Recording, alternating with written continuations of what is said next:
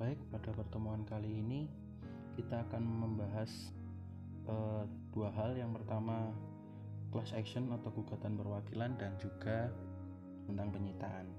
Uh, untuk materi kali ini akan saya bagi dalam dua file atau dua link. Jadi yang pertama ini kita akan ngebahas tentang gugatan perwakilan atau class action untuk yang pertama. Baik, uh, definisi daripada gugatan perwakilan kelompok atau class action ini terdapat pada Perma nomor 1 tahun 2002 yang merumuskan gugatan perwakilan kelompok atau class action sebagai suatu prosedur pengajuan gugatan di mana satu orang atau lebih yang mewakili kelompok mengajukan gugatan untuk dirinya sendiri dan sekaligus mewakili sekelompok orang yang jumlahnya banyak yang memiliki kesamaan fakta atau kesamaan dasar hukum antar wakil kelompok dengan anggota kelompoknya. Terus kemudian yang kedua yaitu ada unsur-unsur class action. Unsur-unsur class action ini e, ada dua, yaitu yang pertama gugatan secara perdata. Gugatan dalam class action masuk dalam lapangan hukum perdata. Istilah gugatan dikenal dalam hukum acara perdata sebagai suatu tindakan yang bertujuan untuk memperoleh perlindungan hak yang diberikan oleh pengadilan untuk menghindari adanya upaya hakim sendiri. Gugatan yang merupakan bentuk tuntutan hak yang mengandung sengketa, pihak-pihaknya adalah penggugat dan tergugat. Pihak di sini dapat berupa orang perseorangan maupun badan hukum. Umumnya, tuntutan dalam gugatan perdata adalah ganti rugi berupa uang.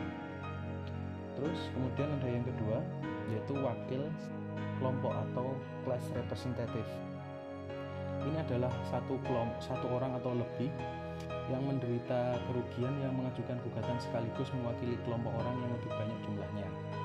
Untuk menjadi wakil kelompok tidak disyaratkan adanya suatu surat kuasa khusus dari anggota kelompok. Saat gugatan class action diajukan ke pengadilan, maka kedudukan dari wakil kelompok sebagai penggugat aktif.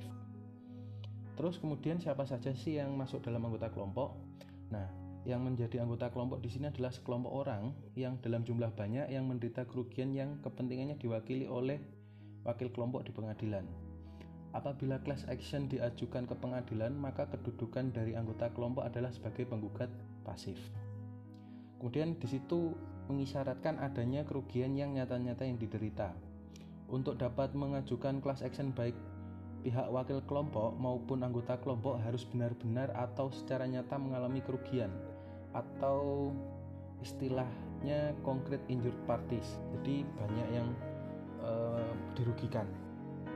Kemudian pihak-pihak yang tidak mengalami kerugian secara nyata tidak dapat memiliki kewenangan untuk mengajukan class action. Dan berikutnya di sini ada kesamaan peristiwa atau fakta dan dasar hukum. Nah ini maksudnya adalah terdapat kesamaan fakta atau peristiwa dan kesamaan dasar hukum antara pihak yang mewakili dan pihak yang diwakili.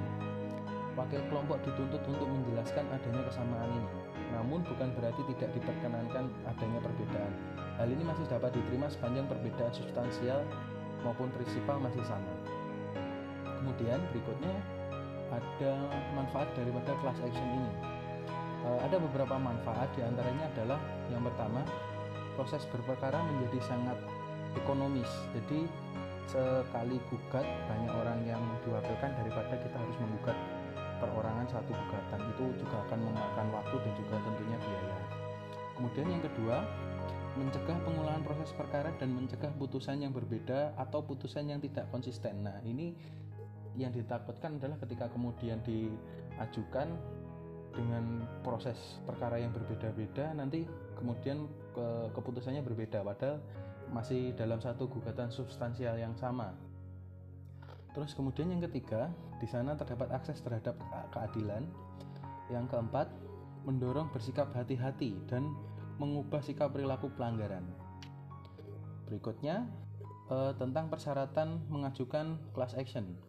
Nah, jadi syarat yang pertama adalah jumlah anggota kelompok yang besar.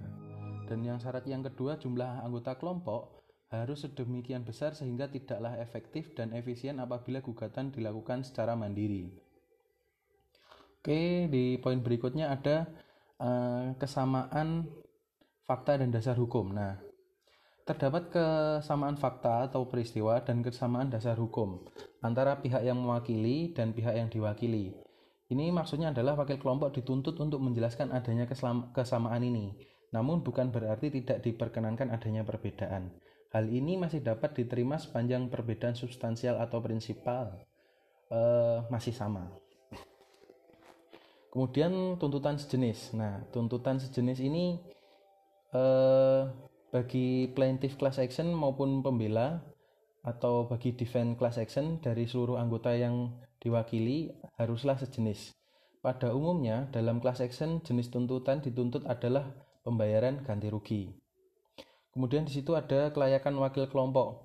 Nah, wakil kelompok ini sendiri memiliki kejujuran dan kesungguhan untuk melindungi kepentingan anggota kelompok yang diwakili. Untuk menentukan apakah wakil kelompok memiliki kriteria tersebut tidaklah mudah. Hal ini sangat bergantung dari penilaian hakim. Untuk mewakili kepentingan anggota kelompok, wakil kelompok tidak dipersyaratkan memperoleh surat kuasa dari anggota kelompok. Nah, berikutnya ada beberapa dasar hukum dalam class action di peraturan perundang-undangan yang berlaku di Indonesia. Nah, di antaranya terdapat dalam pasal 37 ayat 1 Undang-Undang Nomor 23 Tahun 1997 tentang pengelolaan lingkungan hidup. Kemudian ada dalam pasal 46 ayat 1 huruf B Undang-Undang Nomor 8 Tahun 1999 tentang perlindungan konsumen. Kemudian ada pasal 38 ayat 1 Undang-Undang Nomor 18 tentang eh, maaf, Nomor 18 tahun 1999 tentang jasa konstruksi Kemudian ada perma itu tadi yang pertama saya sebutkan di perma nomor 1 tahun 2002 tentang acara gugatan perwakilan kelompok. Nah, di situ juga ada tahapan yang harus dilalui dalam mengajukan gugatan class, class action. Uh, adapun beberapa proses. Yang pertama adalah adanya pengajuan gugatan, kemudian sebelum proses pemeriksaan perkara, Berikutnya saat proses pemeriksaan perkara, kemudian putusan hakim, distribusi kerugian, dan pengajuan surat gugatan class action. Nah, selain harus memenuhi persyaratan formal tersebut, eh, di dalamnya harus mencantumkan identitas dari para pihak. Kemudian ada dalil-dalil konkret tentang adanya hubungan hukum yang merupakan dasar serta alasan-alasan daripada tuntutan. Surat gugatan perwakilan harus memuat apa aja? Nah, di sini ada beberapa poin. Di dalam surat gugatan perwakilan kelompok atau class action, di situ harus memuat tentang identitas lengkap dan jelas tentang wakil kelompok. Terus kemudian ada definisi kelompok secara rinci dan spesifik, walaupun tanpa menyebutkan nama anggota kelompok satu persatu. Kemudian di situ ada keterangan tentang anggota kelompok yang diperlukan dalam kaitan dengan kewajiban melakukan pemberitahuan, Kemudian di situ ada posita dari seluruh kelompok yang dikemukakan secara jelas dan terperinci. Dan yang terakhir, tuntutan atau petitum tentang ganti rugi harus dikemukakan secara jelas dan rinci, memuat usulan tentang mekanisme atau tata cara pendistribusian ganti kerugian kepada keseluruhan anggota kelompok. Nah, eh, pada eh, pada umumnya gugatan tersebut nanti akan diproses sama dengan gugatan yang lain melalui mekanisme pengadilan. Baik, terima kasih.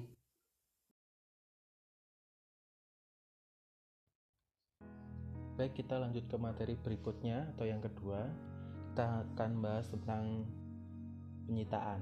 Nah, penyitaan itu sendiri dalam KBBI diartikan sebagai perihal mengambil dan menahan barang menurut keputusan pengadilan oleh alat negara. Nah, ada juga yang menerangkan bahwa penyitaan berasal dari terminologi beslak dalam bahasa Belanda dan istilah dalam bahasa Indonesia beslah. Nah, istilah ini adalah bakunya dari sita atau penyitaan. Nah, baik terus kemudian eh, berikutnya ada juga beberapa pengertian tentang penyitaan. Yang pertama adalah tindakan menempatkan harta kekayaan tergugat secara paksa berada ke dalam penjagaan Kemudian yang kedua ada tindakan paksa penjagaan yang dilakukan secara resmi berdasarkan pemerintah pengadilan atau hakim. Terus kemudian yang ketiga ada barang yang ditempatkan dalam penjagaan tersebut berupa barang yang disengketakan dan bisa juga barang yang akan dijadikan sebagai alat pembayaran atau pelunasan utang debitur atau tergugat dengan cara menjual lelang barang yang disita tersebut. Kemudian eh, pengertian yang keempat yaitu penetapan dan penjagaan barang yang disita berlangsung selama proses pemeriksaan sampai dikeluarkannya putusan pengadilan yang berkekuatan hukum tetap yang menyatakan saat sah atau tidak tindakan penyitaan tersebut. Kemudian jika dilihat daripada tujuan penyitaan ini ada dua, yaitu yang pertama agar gugatan tidak ilusoir. Nah, tujuan utama dari penyitaan ini adalah agar barang harta kekayaan tergugat tidak dipindahkan kepada orang lain melalui jual beli, penghibahan, dan sebagainya maupun tidak dibebani dengan sewa, menyewa atau diagungkan kepada pihak ketiga. Sehingga keutuhan dan keberadaan harta kekayaan tergugat tetap utuh seperti semula agar pada saat putusan memperoleh kekuatan hukum yang tetap, barang yang disengketakan dapat diserahkan dengan sempurna kepada penggugat. Oleh karena itu, gugatan penggugat menjadi tidak ilusoir atau tidak hampa. Kemudian yang kedua tujuannya adalah objek eksekusi sudah pasti. Nah, maksudnya pada saat permohonan sita diajukan, penggugat harus menjelaskan dan menunjukkan identitas barang yang hendak disita, misalnya letak, jenis, ukuran, dan apabila di situ ada batas-batasnya bisa ditunjukkan juga. Nah, Atas permohonan tersebut, pengadilan melalui jurusita memeriksa dan meneliti kebenaran identitas barang pada saat penyitaan dilakukan. Hal ini secara langsung memberi kepastian atas objek eksekusi apabila putusan telah berkekuatan hukum tetap. Uh, kemudian di sini ada juga macam-macam jenis-jenis penyitaan. Yang pertama adalah cita jaminan. Nah, Cita jaminan di sini merupakan tindakan persiapan dari pihak penggugat dalam bentuk permohonan kepada Ketua Pengadilan Negeri untuk menjamin dapat dilaksanakannya putusan perdata dengan menguangkan atau menjual barang debitur yang disita guna memenuhi tuntutan penggugat. Kemudian objek apa aja sih yang bisa menjadi cita jaminan ini? uh, di situ ada empat yang dapat kemudian dimohonkan sita jaminan. Biasanya itu yang pertama adalah perkara utang piutang. Kemudian perkara ganti rugi. Selanjutnya ada sengketa hak milik dan yang terakhir barang yang telah diagunkan. Oke berikutnya masih dalam jenis sita yaitu sita yang kedua sita revindikasi nah Sita ini termasuk kelompok sita yang mempunyai kekhususan tersendiri, terutama terletak pada objek barang sitaan dan kedudukan penggugat atas barang itu. Maksudnya, di situ hanya terbatas barang bergerak yang ada di tangan orang lain, biasanya tergugat. Kemudian barang itu berada tangan orang lain tanpa hak dan permintaan sita diajukan oleh pemilik barang itu sendiri agar dikembalikan kepadanya. Nah, oleh karena oleh karena itu yang meminta dan mengajukan penyitaan tersebut adalah pemilik barang sendiri, maka lazimnya disebut penyitaan atas permintaan pemilik. Jadi, sita sita revi, revindikasi ini merupakan upaya pemilik barang yang sah untuk menuntut kembali barangnya dari pemegang yang menguasai barang itu tanpa hak. Kemudian yang berikutnya, yang ketiga, yaitu ada sita penyesuaian. Uh, Seta penyesuaian itu sendiri menguraikan bahwa barang yang telah disita tidak boleh disita atau kemudian tetap dapat diletakkan sita penyesuaian. Apabila atas permintaan penggugat atau kreditur telah diletakkan sita jaminan, sita revin, revindikator, sita eksekusi atau sita mar, marital. Uh, Berikutnya yang ketiga ada sita marital. Nah, sita marital ini dijelaskan bahwa sita disebut juga dengan istilah sita harta bersama. Ini bertujuan utama untuk membukukan harta bersama suami istri melalui penyitaan agar tidak berpindah kepada pihak ketiga selama proses perkara atau pembagian harta berlangsung. Kemudian yang kelima ada sita eksekusi. Sita eksekusi ini merupakan salah, salah satu tahap lanjutan dari peringatan dalam proses eksekusi pembayaran sejumlah uang. Sita eksekusi bermakna sebagai pengganti dan jaminan jumlah uang yang diperoleh setelah barang yang disita dijual lelang. Sehingga dapat dipahami bahwa sita eksekusi dilakukan pada tahap Proses yang pertama, perkara yang bersangkutan telah mempunyai putusan yang berkekuatan hukum tetap. Dan yang kedua, penyitaan dilakukan pada tahap proses eksekusi. Baik, sementara itu aja dulu. Terima kasih.